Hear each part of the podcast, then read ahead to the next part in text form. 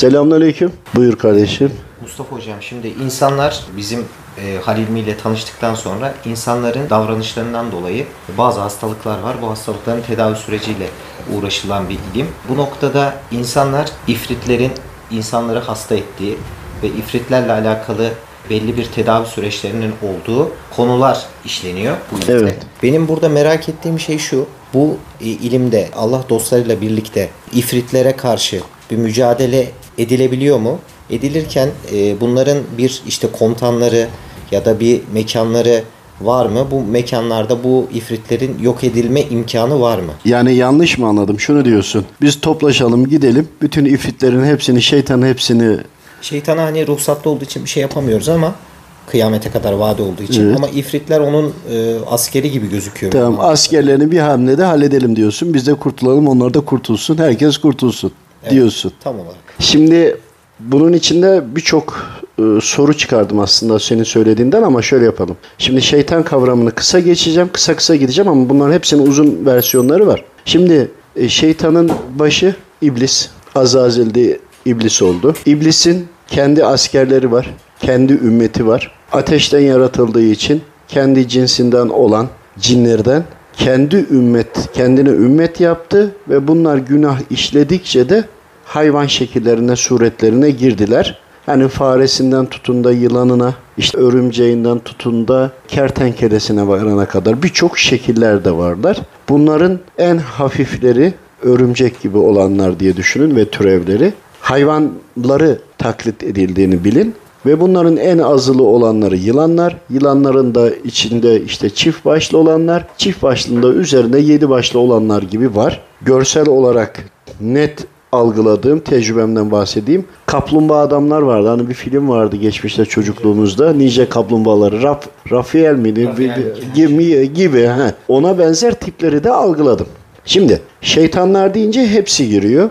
Kovulmuş şeytana Rabbim müsaade etti. Mühlet verdi. Ona mühlet vermesi demek onun ümmetine de mühlet verdi. Yani hepsi aynı kategoride. Diğer taraftan Hazreti Kur'an'da Rabbimizin bize bildirdiği, Efendimiz Aleyhisselam'ın da hayatıyla uygulayışıyla, hadisi şeriflerle bize ilettiğini konunun neredeyse tamamı şeytanın bize yapacağı hamlelere karşı korunmadır. Namazın bile beş vakit olmasında ahir zamandaki insanların ne kadar sıkıntıya düşeceğinden dolayı hani bir yönünü anlatıyorum metafizik yönünden gibi bahsedilenler örneğin oruç tutmanın işte nefsi zayıflatmak gerektiğini gibi ayın ortalarında oruç tutmanın işte dolunay olduğunda vücuttaki suyun çekilmesi gibi hani bunun birçok yönleri var ve her söylenilenin mutlaka ki bizi korumak, bizi sağlıklı ve dinç tutmak için. Yani şeytanın şerrinden muhafaza olalım diye Rabbim bunları bize bildirdi. Şimdi bu. Şimdi sen diyorsun ki biz toplaşalım gidelim şeytanları gırtlayalım ortalık ferah etsin ifritleri. Tecrübelerle birlikte anlatacağım. Çok kısa anlatmak istiyorum. Konu aslında çok çok fazla örnekler var. Yüzlerce, binlerce size aklıma geldikçe örnek anlatabilirim. Ama şu vardır. Bir kardeşimizle istişare ettik problemi vardı. Metafizik boyutunda tayi mekanla veyahut da istihareyle bağlandığımızda biriyle ilgili yanılmıyorsam bir gıybette bulunuyor. Gıybetten dolayı günah işlediği için üzerine şeytan geliyor ruhsatlı. Çünkü konudan tövbe etmeyince e, alınmıyor. Okuyor ama düzelmiyor. Kısa anlatıyorum. Sonucunda bu bir hocaya gidiyor. Hoca denilen kişinin görüntüsü açık ama sadece 2D görüyor. Yani sadece cinni boyutunu görüyor. Diğer boyutları algılayamıyor. Görmesi üzerine bu defa diyor ki senin üzerinde diyor musallatlar var, ifritler var diyor ve bunlarla ilgili toparlıyor ve bunları yakıyor. Yaktıktan sonra aradan zaman sonra bu kişi daha da hastalanıyor ve daha ileri noktaya geliyor çözülmüyor bu konu. Birçok yerlere gidiyorlar. Doktorlar vesaire ama artık hayatını idame edemiyor. Yani şizofreninin bir tık altı seviyedeydi. İşte istihare yapınca sorduğumuzda bu dedi cinlere yani ifritleri kastetti orada. Çünkü cinlerin içinde türevleri vardır, çeşitleri vardır. İnsanlar gibidir. Yani Müslümanı var, gayrimüslimi var. Atıyorum gayrimüslim ama iyi huylu, kimseye zararı yok böyleleri var. Ama bir de şeytana tabi olup hizmet edenler var. Bunların görüntüleri hayvana doğru döner. Kötülük yaptıkça yaptıkça bunlar hayvan özelliklerini ilerletirler. Ancak o kişinin kafasına göre hareket ediyor olması yani ifritleri yakıyor olmasından dolayı daha fazla ifritler gelmiş. Bunun ailesine de yerleşmiş, sirayet etmiş. Çünkü ifrit dediğin, cinni dediğin her kim olursa olsun Allahu Teala'nın kulu. Evet bizim düşmanımız. Düşmanla biz savaş ederiz. Şeytanla savaş ederiz, cihad ederiz. Ancak hak ve hukuk kuralları var. Diyeceksiniz ki yani biz imanlıyız ama e, metafizik boyutunda eğer bağlanabiliyorsanız, orayla görüşebiliyorsanız, konular hakkında bilgi alabiliyorsanız ki bu özelliği olanları anlatıyorum bundan sonrasını. İşte orada sen eğer 3D, 4D diğer boyutlardan görüşerekten bilgi alabiliyorsan o zaman cinlerle değil onlara sormadan Allah dostlarıyla yani hadimlerle manevi ordadan görevlilerle eğer o kapın açıksa istişare edebiliyorsun. Oradaki istişareyi anlatıyorum ve söylenileni aktarıyorum anlayabildiğim kadarıyla. Bunlar da Allahu Teala'nın kulu. Bunlara Allahu Teala şeytana mühlet verdi. Bunlar imanlı kullara dokunamazlar. Ancak Allahu Teala'nın emirlerine uymanız gerekiyor ya, uymadığınızda mühlet verildiği için onlar sizin bedeninize de girebilir, sizi yediklerinizden de yiyebilir, giydiklerinizden de giyebilir. Sizin hayatınıza, yaşamınıza ortak, hatta eşlerinize bile ortak olabilir dendi. Çok net. Tabi sonra birçok konularda bunların delillerini de yaşan, yaşayan insanlar vardı. Çokça da anlattım çevremde. Bizim onlara kafamıza göre gidip hareket etme, müdahale etme yetkimiz yok. Fakat diyeceksiniz ki bu Hazreti Kur'an'a göre çelişir mi? Çakışır mı? Yani yanlış konuşuyorsun diye düşünebilirsiniz. Ama biraz kısa anlatayım. Bu çok uzun bir konu aslında. Şimdi bizler dua ediyoruz. Rabbimden istiyoruz ya. Dua ettikçe ferahlayan kardeşlerimiz varsa, rahatlıyorsa onun üzerindeki ruhsatlı değil demek ki. Ancak okunduğunda okuduğu ayetlerle ilgili görevler gelir onu alır. Çünkü niye? Manevi ordu geldiğinde cinni kul, ifrit kul, insan kul, kullar birbir arasına karışmışlar. Maneviyat, manevi ordu geldiğinde onların ne yaptığını bilir. Çünkü melekler cinlerin de ne yaptığını yazıyor. Her şey manevi kütüphanede olduğu için, dijital maneviyatın dijital kütüphanesinde olduğu için oradan bilgiyi alırlar. Hele ayetel kürsü okuduysanız kürsü mahkeme kararıdır. Bak felak nas ayetel kürsü. Mahkemeyi görür ve orada bunların neden geldiğiyle ilgili bilgiler ortaya çıkar. Bakılır ki kul, insan kul günah işlemiş. Günah işlediğinden dolayı Allahu Teala müsaade etti ya onlara. Mühlet verdi ya. Hani iblis yeme içme istedi. Rabbim de adım anılmayan her şeyden yiyebilirsin dedi. E kişi besmelesiz yediyse haliyle onun bağırsaklarından da yeme hakkı var. Gusül abdesti almadıysa, cünüp geziyorsa vücuduna girme hakkı var. Bunların bize bildirilmesinin sebebi şeytanın bize yapacağı hamlelere karşı biz kendimizi koruyalım diye. Ama sen bunu uygulamıyorsan zaten uygulamayışın Allahu Teala'ya karşı gelmektir. Otomatikman onlar ruhsat edinmiş olur. Yani sen odanın penceresini sen açmış durumdasın. Haliyle e, manevi ordular bunu sebepleri bildikleri için karşı tarafta şeytan da o kadar gerizekalı değil. Çok da zeki, akıllı, çok tecrübeli. Yani alimdi. Düşünün meleklerin bulunduğu katlarda bile üst kademeye kadar çıktı. Haliyle bilgisi çok fazla olduğu için kendi ümmetini sürekli bilgilendiriyor ve eğitiyor. Yani bize gelen ifritleri bir şey bilmiyor, kafası çalışmıyor, donanımı yok olarak düşünmenizin bir anlamı yok. Ya da sizi böyle olduğuna iten nedir ki? Onlar gayet donanımlı ve bilinçli geliyorlar ve ruhsatlarının olduğunu da biliyorlar. Okunduğunda manevi ordu geldiğinde bir de şöyle bir durum vardır. İfritlerin bir kısmı melekleri görür. Cinler görmez. Ama cinlerden onlar dönüşmüştür, mutasyona uğramıştır ifrit dediğimiz. Bunu unutmayın. Yani evet ateşten yaratıldı ana ama DNA sarmalları aynı değil. Cinnileri bunlar e, genetik uzmanları da oldukları için kolonlama, DNA'ları değiştirme gibi teknolojileri de bildikleri için bunları da dönüştürürler. Yani bu anlattıklarıma belki inanmayacaksınız, belki hayal gibi gelecek ama böyle özelliği olanlara anlatıyorum zaten. İşte onlar o insan kulun yaptığı hatayı bilirler. Çünkü sürekli yeryüzünü radar gibi tararlar. Kim bir yerde açık verirse oraya şeytan birliklerini baş şeytanlar, komutanlar aynı askeriye gibi hep böyle rütbeli vardır. Taburları, orduları vardır. Birliklerini indirir. İndirdikleri için oraya manevi orduda geldiğinde zaten üzerindeki o ifritlerin ruhsatlı olup olmadığını manevi ordu bilir.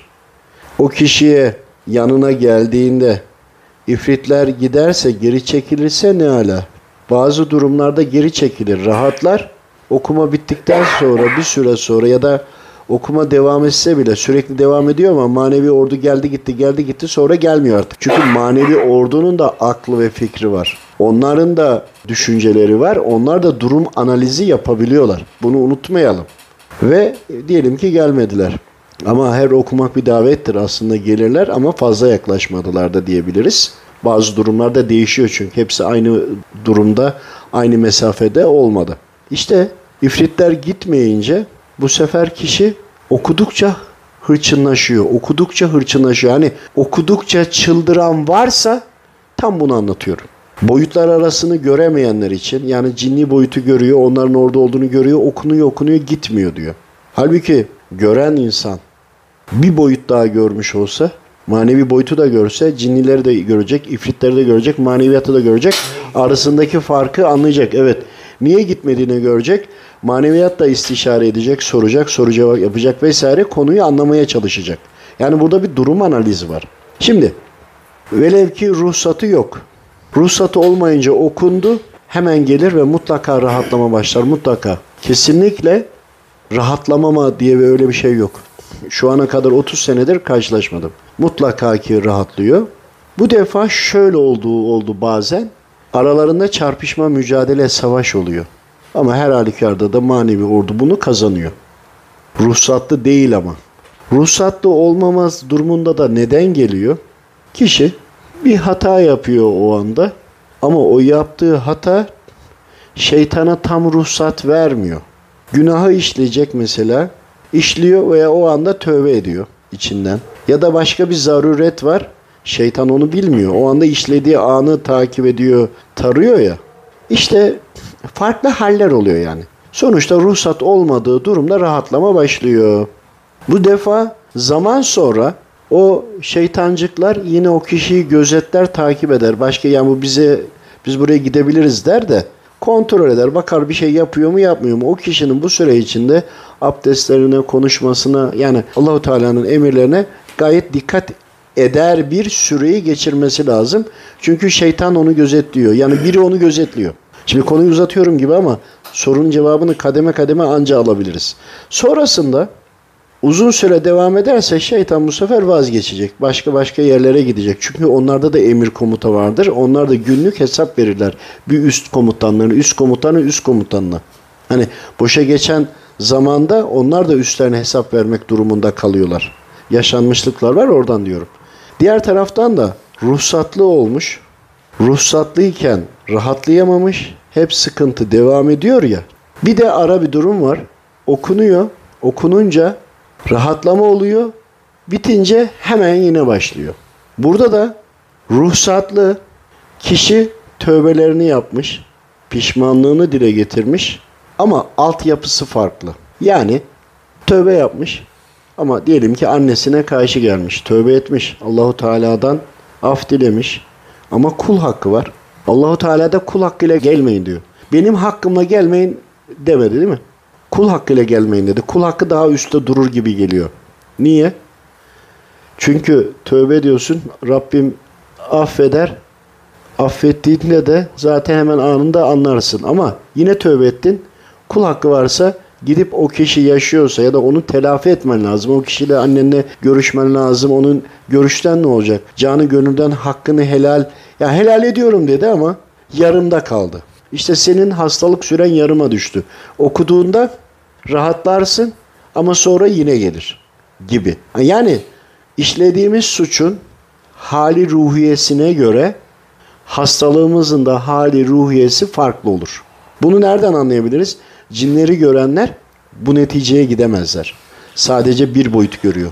Cinlerin kendi arasında konuşması ya da kendi bir cini varsa onun cevap vermesiyle hareket eder ama sonuçta o cinni de doğru söylediğini düşünelim. Ama doğru söyleyen bir insan her şeyi bilemediği gibi cinni de bilemez. Onların da çünkü belirli bir hareket alanı var. Bizden daha hızlılar, daha fazla yukarı çıkabiliyorlar. Ancak daha farklı yaşıyorlar. Metafizik özellikleri daha farklı olduğu için onlara göre gayip olmayan bize göre gayip olabilir. Biz burada İstanbul'daki Ankara'dayız şu anda sohbete geldik. İstanbul'daki hava durumunu bilmiyoruz değil mi? Gayip. Ama bir cinniye sorsan gider bakar gelir. Ona gayip değil gibi. İşte bizim okundukça eğer rahatsızlığımız geçmiyorsa kesinlikle tövbeler ve o işlediğimiz günahı bulmamız lazım. Üzerine düşünmemiz lazım. Bulduysak onu kul hakkıysa kullarla görüşerek bir şekilde razı etmemiz lazım. E, ya da kefaret vermemiz lazım. E, oldu ya e, ölmüş veyahut da ulaşılamadı veyahut da herhangi bir sebep var. Kefaretler olması lazım. Bazen hem helallik alıp aynı zamanda da kefaret ödemek gerekiyor. Buradaki olay şudur. Sen bir suç işledin. Bu suçun karşılığında cehennemde veya kabir hayatında azap göreceksin. Ancak bir günahı işlediğinde onun cezası o anda başlıyor zaten. Ama kar tanesi gibi, çığ gibi fazlalaşarak devam eder. O devam etmede de sen günah sayını artırırsan, hani ilk günah işleyince zor gelir de ikinci, üçüncü yapınca sana günah işlememiş gibi gelir. Dördüncü, beşinci de defasında da veya onuncuda da onu günahtan da saymazsın ya. Bunun gibi. Oradaki sebep neydi? Çünkü sen devam ediyorsun. O kar tanesi dönmeye devam ediyor. Çığ oluyor. İşte böyle olunca da ceza o anda başladığı için aslında kabir hayatında değil. Günah işlendikten itibaren bu ceza başlıyor. Neden? Çünkü Rabbim kullarına merhametli. Burada diyor ya, burada işte tövbe etsin, tövbe kapıları açık. Kendini toparlasın diye. Mesela Firavun'a bunu vermemiştir. Başı bile ağrımamıştır. Neden? başı ağrıdığında sıkıntıya düşer de tövbe etmeye kalkmasın diye. Anladınız mı? Bu da delil olsun size. İşte sıkıntı burada başlayınca geçmiyorsa mutlaka mutlaka mutlaka mutlaka sebebini bulacaksınız. Nokta atış yapacaksınız.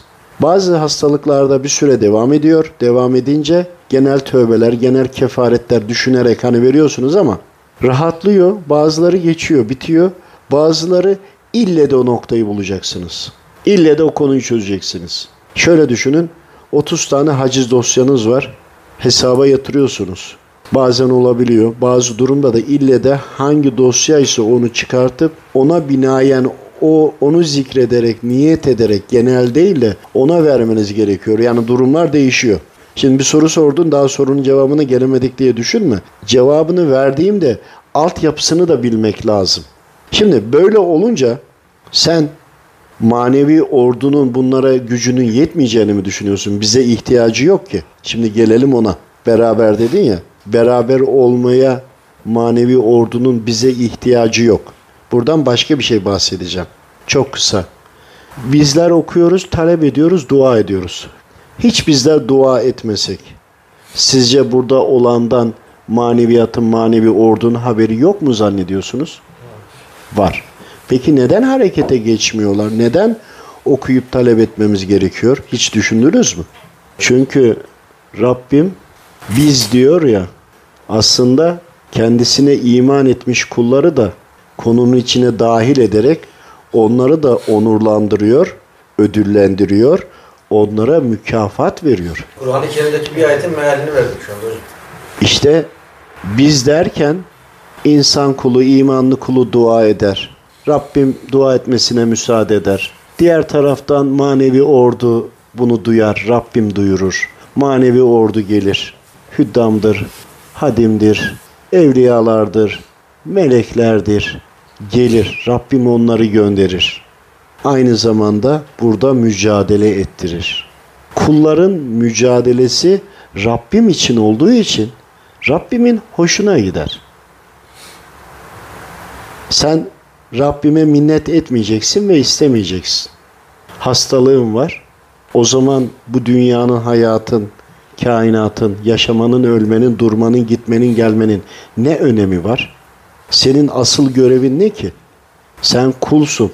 Kul eksik demek ya. Sadece o yönünü düşünseniz bile. Kul demek eksik demek ya. Ne oldu? Eksikliğini nasıl gösterdin? Dualarla. İşte sen dua edeceksin. Dua edince manevi ordu harekete geçecek. Manevi ordu harekete geçince gelecek sana yardım edecek. Yoksa buradaki insanlar dua etmese manevi ordu gelmiyor ki. Tabii ki görevli melekler var, rüzgarları hareket ettiren koruma meleklerimiz var. Tamam ama ve lakin yaptığın işlediğin günahtan dolayı zırhın delindiyse hani enerjicilerde avro diyor ya aslında avronun yükselmesi demek bizde gusül abdesti güzel amellerle üzerimize evet katlanıyor böyle nur gibi. Ama onlardaki duru görüdeki olanlar gördüklerini diyorlar ki iyi yapın, iyi olun, iyi düşünün, her şeyi affedin diyorlar. Çünkü onu yaptığı zaman imansız olanların bile şeyleri artar. Zırhları olur. Ama iman etmiş olanların zırhları daha da kalındır. İmansız olan birinin iyi çok iyi bir kul bile olsa bir yere kadar. Ama Müslüman okuyan iman etmiş birininki 3 metre gider, 5 metre gider. Onlarınki belki en fazla 70-80 santim gibi. E bu da imanın farkı canım. O kadar da olsun değil mi? İşte aradaki dengeyi anlamaya başladık mı? Şimdi aradaki dengeyi anladığımızda şimdi diyorsun ki biz talep edelim, gidelim manevi orduyla birlikte şeytanların hepsini, ifritleri hani hepsini alalım. E, hepsine müsaade edildi. Bir. Ayrıyetten manevi ordunun sana ihtiyacı yok. İki. Üçüncüsü senin ihtiyacın var. Sen nereden sevap kazanacaksın? Nasıl? Neyle cihat edeceksin? Ortadan kalkmış oluyor. Diğeri de o zaman kimse tövbe etmez ki. Tövbe eder misiniz? Aklınıza bile gelmez. Ya insanların işlediği günahların tamamı bir başka noktaya geçtim. Kabir hayatına kalsa, burada insanların hani Firavun gibi başı bile ağrımasa, tövbe kapıları kapalı orada. Hangi kapıdan yardım bekleyeceğiz? Şöyle düşün. İnsanlar burada güçleri çekiliyor, belleri bükülüyor da ölümü hatırlıyor mecburiyetten tövbe ediyor. Mecburiyetten de olsa tövbe ediyor. Daha da çaresiz kalınca yine ediyor. Daha da beli bükülüyor. Daha da ediyor. Daha da derisi buruşuyor. Yine ediyor. Saçı dökülüyor. Dişi dökülüyor. Yemek yemiyor. Tövbe tövbe tövbe bir bakıyorsun ki temizlenerek gidiyor. Yaşlılık en büyük ikramlardan birisi değil mi? Amacımızı anlayabiliyor musun? Ben anladım hocam. He. Aslında benim varmak istediğim yer şurası. Yani şeytandan geliyor ya kötülük. Evet. İnsanlar aslında doğarken günahsız doğuyor. Evet. İnsanlar doğarken günahsız doğuyor. Ama zamanla tabi irademiz de var, seçme hakkımız da var ama neticede şeytandan geldiği için kötülük ya da şeytanın kullandığı ifritlerden geldiği için kötülük bu acaba ifritler kalktığı zaman insanlar kötülük ortadan kalkmış olacak ya ben aslında oraya varmaya çalışıyorum. Şimdi. Hazreti Ali Efendimiz pazar çarşı pazarda gezerken doğaçlama aklıma geldi. Şeytanı görüyor. Şeytan hemen yakalıyor, bağlıyor. Biliyor musun bu kıssayı? Biraz bir bakıyor. Bütün kuyumcular bile mücevherat, her şey açık. Pazarda bir tane insan yok. Dükkan sahipleri bile herkes her şeyden vazgeçmiş. Herkes bir köşeye çekilmiş, zikir çekiyor, dua ediyor, ibadet ediyor. Sonra Efendimiz Aleyhisselam ne diyor? Ya Ali diyor git diyor şeytanı serbest bırak. Şimdi şeytan olmadığı zaman biz günah işlemeyeceğiz değil mi? İşte o şeytan olmazsa bizim yaratılmamıza gerek yok. Neden? Çünkü günahsız melek kulları var Rabbimin. Amaç gayemiz imtihana gelmek değil mi? Gelmek. E biz ruhlar aleminde orada sözleşme yaptık. Daha yüksek makamlar istedik. İstediğimiz mi? Ya veyahut da bir yani duracak bir yer istedik ya. Yani güzel olan yer neresi? Cennet. Cehennemde duramayacağımıza göre illa cennetin kıyısında köşesinde illa bir içeride duralım değil mi? Hani dikine de durursak bir duracak yer olsun. Orayı bile Rabbimin bize tahsis etmesi için hangi bedeli ödeyip alacaksın? Ne ödemeyi düşünüyorsun? İşte hepsini götürüp bir bedel ödemiş olacağız. Tamam. İşte oradan o yeri alabilmek için senin onu hak etmen lazım. O hak etmen için söz verdin, anlaşma yaptın. Sen burada hiçbir zorluk olmazsa imtihan olur mu? Olmaz. İmtihan olmazsa, zorluk olmazsa o zaman imtihan olmaz, o zaman mükafat olmaz. Mükafat olmazsa da o zaman senin talebinin hangi yüzle isteyeceksin? Bu. Ama diğer taraftan asıl sorunun cevabına geleyim. Sen okuyorsun ya. Hani bazı insanlar vardır okuyor okuyor okuyor okuyor iyileşmiyor. Bizim belirli bir sıkıntılarımızdan sonra Rabbime söz verdik anlatalım dedik. En baştaki sebeplerinden biri şuydu. Müslüman kardeşlerimiz okumuşlar okumuşlar düzelmiyor. E biz de diğer boyutları algılayabiliyoruz. Tanıdığımız bildiğimiz eş dost çevreden duyuyoruz da veyahut da görüyoruz sokakta, iş yerinde, işimizde falan. Çok rahatsızım diyor. Ben diyor duramıyorum doktorlara gittim falan diyor. Şimdi ben diyor okuyorum hep diyor iyileşmiyorum diyor. Bak buraya nokta. Burada olun. Burada mıyız? Okuyorum iyileşmiyorum diyor. Ve 3-5 aydır da hep uğraşıyor. Onun sözlerinden şunu anlıyorum. Allahu Teala'ya neredeyse suçlamada bulunacak. Okuyorum, iyileşmiyorum diye Allahu Teala'yı bize veyahut da diğerlerine şikayet ediyor. Ne oldu burada? Diğerlerine aslında ne yapıyor? Siz de okumayın demeye getiriyor. Okuyorum okuyorum iyileşmiyorum. Hani bir suçlamada bulunamıyor ama söylediği ifade ne hale gelmiş? E böyle olunca okuyor ama okuduğu istediği yere ulaşmıyor. Arada işlediği günah perde olmuş diye diyesim vardı dedim sonra. Yani suçu kendinde ara. İşte kişi okuyup okuyup da sonuca gidemeyince Allahu Teala'yı suçluyor ya. Aslında Allahu Teala'yı değil, Hazreti Kur'an'ı değil, manevi orduları değil, kendini suçlaması gerekiyor. Bunları anlat, anlatarak başladık yapmayın diye. Yani yapan da uyan da çünkü bir yerde mecbur uyuyor. Doktora gitmiş, hocaya gitmiş, oraya buraya gitmiş, şifalotta hepsine gitmiş. Çözüm yok. Mecburiyetten uyuyor. Doğru da yapınca Rabbimin izniyle oluyor. Ama temelinde şu var. Sen okudun ya. Senin bir günahın olduğunda bile iyileşmeyenler var diye anlattım ya şimdi. Ya da az iyileşti ya da geçici. İşte demek ki okuduğunda manevi ordular senin kontrolüne geçmiyor. Sen artık hükmedemiyorsun demek istiyorum. Sen okusan da Rabbim müsaade ederse manevi ordular senin niyetini yerine geçiriyor diyorum. Şimdi sen talep ettin, okudun. Rabbim müsaade etmezse manevi ordu gelir mi? Şimdi konunun ipin ucu senin elinde mi ki? Değil. Yani haddimizi bilelim. Sana değil sözüm. Yanlış anlama. Yani burada bütün ifritlerin hepsini alacak bir imkanımız bile olmuş olsa o imkanı olan melekler, o melekler de nurdan yaratılmışlar. Rabbimin emrinden de harfiyen çıkmazlar.